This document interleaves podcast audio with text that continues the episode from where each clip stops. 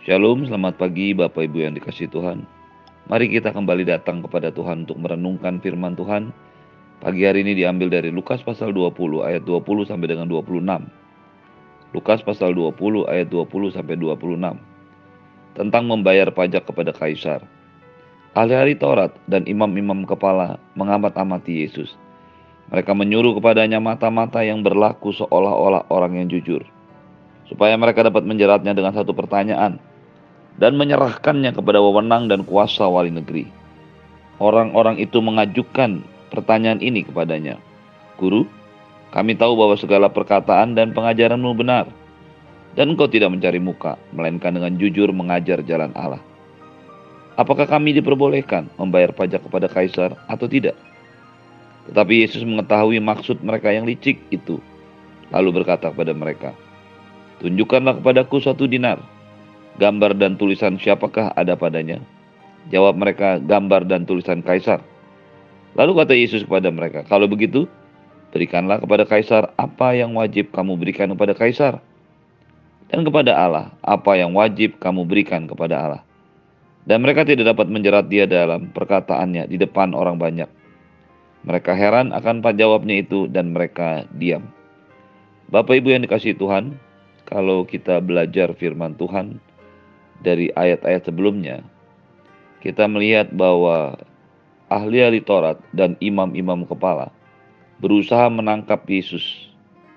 Mereka sadar bahwa yang diajarkan oleh Tuhan Yesus sering kali ditujukan untuk menyatakan kesalahan mereka, menyindir mereka, membuat mereka yang seharusnya bereaksi benar. Tetapi karena mereka tidak pernah mau bertobat, justru menjadi marah dan sakit hati, maka sebenarnya mereka sedang menyiapkan jalan kematian kepada diri mereka sendiri.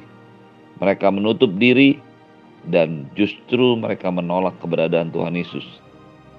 Ahli-ahli Taurat yang sama dan imam-imam kepala, mereka mengamat-amati Yesus. Mereka melihat apa yang Yesus ajarkan. Mereka tahu apa yang dilakukan Tuhan Yesus Bukannya mereka membuka hati dan menerima, bukannya percaya dan bertobat, mereka justru berusaha untuk menangkap Yesus. Mereka menyuruh kepadanya mata-mata yang berlaku seolah orang jujur, supaya mereka dapat menjeratnya dengan satu pertanyaan dan menyerahkannya kepada wewenang dan kuasa wali negeri. Mereka tidak berani berhadapan dengan Tuhan Yesus. Mereka tidak berani menangkap Tuhan Yesus karena banyak orang percaya kepada Yesus. Mereka berusaha menggunakan cara dan tangan lain, yaitu wali negeri, pemerintah yang berkuasa pada masa itu untuk menangkap Yesus. Dengan demikian, maksud mereka akan membawa Yesus untuk ditangkap, bahkan kemudian dibunuh. Tetapi mereka sendiri aman karena rakyat orang Yahudi tidak menyalahkan mereka. Inilah gambaran yang lengkap dan sempurna tentang sebuah kemunafikan tentang sebuah kekerasan hati dan pemberontakan. Ketika Tuhan berbicara melalui firman-Nya, ketika Tuhan berbicara melalui pengajaran-pengajarannya, ketika Tuhan berbicara melalui mujizat-mujizatnya, seharusnya setiap kita membuka hati, membuka pikiran, supaya kita bisa kemudian percaya dan mengalami mujizat-mujizatnya. Bukan sebaliknya kita menolak dan mengamat-amati untuk mencari sebuah kesalahan. Hal ini menjadi sebuah bukti bahwa sejak awal kebenaran disingkapkan, dibukakan oleh Tuhan Yesus. Tidak semua orang dapat percaya kepadanya. Ada orang-orang yang memang percaya dan mengalami mujizat Allah dalam hidupnya. Mereka mengalami pemulihan dan kebaikan Allah dalam hidupnya. Tetapi selalu tetap saja ada orang-orang yang menolak pengajaran kebenaran yang diajarkan oleh Tuhan Yesus pelajaran kehidupan yang diajarkan oleh Tuhan Yesus. Dan orang-orang ini bukannya tidak memperhatikan Yesus, bukannya tidak mendengar Yesus, tetapi mereka mengamati untuk mencari sebuah kesalahan. Beberapa kali terlihat orang-orang seperti ini juga muncul di gereja. Mereka bukan mau mendengarkan firman kebenaran. Mereka mencoba mencari-cari kesalahan dari ibadah yang ada. Mereka melihat para pelayan, mereka melihat para jemaat, bahkan sering kali mereka juga melihat para gembala atau para pembicara, para pendeta, para pengkhotbah yang melayani mereka untuk mencari-cari ke sebuah kesalahan. Sikap yang demikian lahir dari sebuah pemberontakan terhadap kebenaran. Setiap kita harus belajar untuk tulus hati, memiliki telinga yang mau mendengar, dan memiliki hati yang mau berubah. Tidak ada seorang pun yang bertemu dengan Yesus, mengalami pengajarannya, mendengarkan pengajarannya, yang mengalami berkat Tuhan tanpa mau berubah. Setiap kita selalu dihadapkan pada dua kemungkinan, dua pilihan dalam hidup ini. Ketika mendengarkan firman Tuhan, ketika mendengarkan pengajarannya, yang pertama, apakah kita mau membuka hati, menerima kebenaran, menerima pemulihan, dan mengalami perubahan dalam hidup kita, atau kita terus-menerus ada dalam keadaan yang sama, ada dalam keadaan yang memberontak, ada dalam keadaan sikap hati yang selalu tidak puas, dan berusaha mencari kesalahan. Pagi hari ini renungkan baik-baik. Siapakah diri kita di hadapan Allah? Apakah ketika kita datang beribadah ke gereja? Apakah kita ketika kita sedang mendengarkan firman Tuhan? Apakah kita sedang melayani Tuhan? Apa yang sebenarnya Anda dan saya lakukan? Apakah kita mau membuka hati kita untuk menerima pengajaran Tuhan, lalu berubah, bertobat, dan mengikuti Dia? Atau justru sebaliknya, kita mengeraskan hati, kita membela diri, kita tidak mau berubah, dan kita mencari-cari kesalahan yang ada dalam pelayanan, dalam firman Tuhan, dalam apa pun yang kita lihat, dalam hubungan kita dengan sesama orang Kristen, selalu terbuka kemungkinan dua hal ini terjadi. Belajarlah untuk terus membuka hati, supaya tidak bertambah keras dan tidak bertambah membatu sehingga akhirnya kita tidak lagi bisa menerima kebenaran. Belajarlah untuk berubah. Tidak ada satupun yang tidak bisa berubah dalam hidup ini. Ketika Anda dan saya memutuskan untuk percaya pada firman Tuhan, lalu merendahkan hati, membuka hati, maka perubahan itu akan bisa terjadi dalam hidup kita. Orang-orang yang disuruh oleh ahli Taurat dan imam kepala datang kepada Tuhan Yesus dan mengajukan pertanyaan kepadanya, "Guru, kami tahu bahwa segala perkataan dan pengajaran benar, dan engkau tidak mencari muka, melainkan dengan jujur mengajar jalan Allah. Perhatikan apa yang dikatakan orang-orang ini, orang-orang yang pura-pura jujur, tetapi sebenarnya adalah mata-mata, orang-orang yang bertugas mencari kesalahan Tuhan Yesus.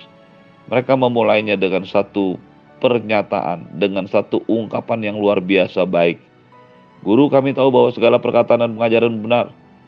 Bahkan pujian ini ditambahkan dengan sesuatu yang sangat luar biasa. Mereka mengatakan, engkau tidak mencari muka, melainkan jujur mengajar jalan Allah. Seringkali ketika mendengarkan sebuah pujian, seseorang bisa terbuai dengan pujian itu. Mereka lupa bahwa di balik pujian itu ada sesuatu yang bisa menjerat mereka untuk melakukan kesalahan. Belajarlah untuk me menyampaikan segala sesuatu dengan apa adanya, tidak usah melebih-lebihkannya. Belajarlah untuk tetap tenang ketika dipuji, sehingga Roh Kudus masih terus bisa menguasai kita. Apakah kami diperbolehkan membayar pajak kepada kaisar atau tidak? Pertanyaan ini adalah sebuah pertanyaan jebakan. Mengapa? Karena semua orang Yahudi pada masa itu mereka sedang menanti-nantikan janji Allah untuk membebaskan bangsa Israel, bangsa Yahudi dari penjajahan. Ratusan tahun lamanya mereka hidup dalam kekelaman. Kerajaan Israel utara runtuh tidak lama kemudian, kerajaan Israel, Yehuda di selatan juga hancur. Mereka tercerai-berai, dibawa ke Syria, dibawa ke media Persia. Mereka kemudian diizinkan kembali membangun tembok Yerusalem, membangun bait Allah. Tetapi mereka masih terus menginginkan untuk kembali menjadi sebuah kerajaan, sebuah negara, sebuah daerah yang berotoritas penuh dan tidak ada satupun yang menjajah mereka ketika mereka mengajukan pertanyaan ini, sebenarnya ini merupakan sebuah jawaban dari apa yang mereka rindukan bertahun-tahun lamanya, ratusan tahun lamanya, untuk tidak membayar pajak kepada kaisar. Walaupun kaisar itu sebenarnya adalah mereka yang memegang kendali politik, memegang kendali kekuasaan atas mereka. Mereka menanyakan pertanyaan ini karena mereka tidak mau membayar pajak. Mereka menanyakan hal ini karena mereka tidak mau ada dalam wewenang dan kuasa wali negeri. Jadi semua yang ada, semua yang ditanyakan ini sebenarnya lahir dari sebuah ketamakan dan kekikiran mereka. Mereka adalah orang-orang yang mencari kesalahan Tuhan Yesus. Mereka adalah orang-orang yang tahu persis bahwa apa yang diajarkan Tuhan Yesus benar. Tetapi sebagai orang keturunan Abraham, mereka tentu saja tidak mau tunduk kepada pemerintah Romawi yang berkuasa pada waktu itu. Kalau saja Tuhan Yesus menjawab, diperbolehkan, maka orang-orang ini akan bisa mencela Tuhan Yesus karena mereka akan berkata sebagai orang Yahudi, sebagai orang Israel, mereka adalah keturunan Abraham yang hanya memberikan penghormatan kepada Allah, yang hanya takut kepada Allah dan tidak kepada manusia. Tetapi di sisi yang lain, mereka sendiri memberikan dirinya, memberikan pembebasan, maaf, memberikan pengangkatan penghormatan khusus kepada raja-raja, kepada pemerintah-pemerintah yang berkuasa atas Israel. Jadi sebenarnya apa yang mereka tanyakan itu lahir dari sebuah kekikiran, ketamakan. Mereka sebenarnya tidak mau memberikan upeti. Bukan berarti mereka kemudian mau memberikan upeti kepada Raja Israel atau Mesias yang diangkat. Tetapi sebenarnya mereka hanya tidak mau membayar pajak kepada kaisar dengan dalih, dengan alasan yang bermacam-macam. Tapi lahir dari sebuah ketamakan dan kelicikan, keengganan untuk membayar pajak. Sehingga ketika Tuhan Yesus mendengar pertanyaan ini, apa yang dikatakannya adalah sangat luar biasa. Dia meminta mereka mengambil sebuah uang dinar dan mengatakan tulisan siapakah, gambar siapakah yang ada di dalamnya, di atas uang itu? Jawab mereka, gambar dan tulisan kasar, kaisar. Lalu kata Yesus kepada mereka, kalau begitu berikanlah kepada kaisar. Apa yang kamu wajib berikan kepada kaisar dan kepada Allah, apa yang wajib kamu berikan kepada Allah. Tuhan Yesus mengetahui kelicikan hati mereka. Tuhan Yesus mengetahui ketamakan hati mereka. Mereka bukan sedang berbicara tentang uang yang diserahkan kepada kaisar, tapi mereka sedang berbicara tentang sebuah sikap hati yang toh tidak mau tunduk kepada pemerintah dan tidak mau kehilangan uang mereka. Apa yang menjadi jawab Yesus menjadi sebuah kebenaran bagi setiap orang percaya, bagi Anda dan saya yang hidup yang mengaku sebagai murid-murid Kristus. Di situ dikatakan dengan jelas, berikan kepada kaisar apa yang wajib diberikan kepada kaisar. Ketika kaisar yang adalah lambang pemerintahan yang berkuasa pada masa itu membuat satu aturan, suka atau tidak suka, senang atau tidak senang, Anda dan saya harus ikuti apa yang harus diberikan kepada mereka. Kewajiban-kewajiban kita sebagai warga kerajaan, sebagai warga negara, sebagai penduduk yang tinggal dalam aturan. Anda dan saya harus ikuti semua aturan itu. Kita tidak bisa mengikuti atau melakukan semua yang hanya Anda dan saya senang dan ingin mengerjakan kita harus taat kepada peraturan. Kita harus punya kewajiban-kewajiban yang harus dipenuhi. Bayangkanlah ketika kita tinggal dalam satu kota, satu wilayah yang tidak ada peraturan. Kekacauan, kehancuran pasti akan terjadi di sana. Itu sebabnya Tuhan Yesus dengan jelas mengatakan, apa yang kau berikan kepada kaisar, berikanlah. Tetapi di saat yang sama juga dikatakan olehnya, dan kepada Allah apa yang wajib kamu berikan kepada Allah. Kata kewajiban bayar kepada kaisar ini berasal dari bahasa Yunani apodidomi. Apodidomi adalah terjemahan yang akhirnya diterjemahkan kepada apa yang wajib kamu bayar. Tetapi sebenarnya ini berbicara juga tentang sebuah sikap penundukan, sebuah sikap untuk mengikuti, mentaati apa yang menjadi peraturan yang sudah ditetapkan bagi kita. Memang ini diterjemahkan sebagai pajak tetapi ini juga bisa dijadikan sebagai pembayaran. Pembayaran apa pun yang memang ditetapkan buat Anda dan saya. Sebagai warga negara, sebagai warga masyarakat, kita harus ikuti, kita harus lakukan, kita harus bayar. Tetapi yang menarik di sini juga dikatakan, dan kepada Allah, apa yang wajib kamu berikan kepada Allah. Ini memberikan sebuah pengertian kepada kita. Ketika pemerintah di dunia ini memberikan kewajiban dan Anda dan saya wajib untuk membayarnya, wajib untuk menundukkan diri kepadanya maka kepada Allah pun dilakukan hal yang sama. Di sini digunakan kata hoheto yang merupakan sebuah definite artikel yang menyatakan bahwa konsep yang sama di dalam ayat kata-kata sebelumnya yaitu apa yang wajib diberikan kepada kaisar hal yang sama juga diberikan kepada Allah apa yang menjadi kewajiban kita kepada kaisar diberikan kepada kaisar. Tetapi apa yang menjadi kewajiban bagi kita sebagai warga kerajaan Allah, warga kerajaan surgawi, kita harus berikan juga kepada Allah. Dari sini kita bisa menangkap bahwa sebenarnya ada banyak, ada beberapa kewajiban yang tetap memang harus ada dan saya lakukan. Seperti seperti seorang warga negara yang menundukkan diri takluk kepada pemerintah dan sebagai tanda penghormatan kita membayar pajak. Demikian juga halnya kita kepada Tuhan. Ada yang memang tetap menjadi sebuah kewajiban yang memang harus kita berikan kepada Allah.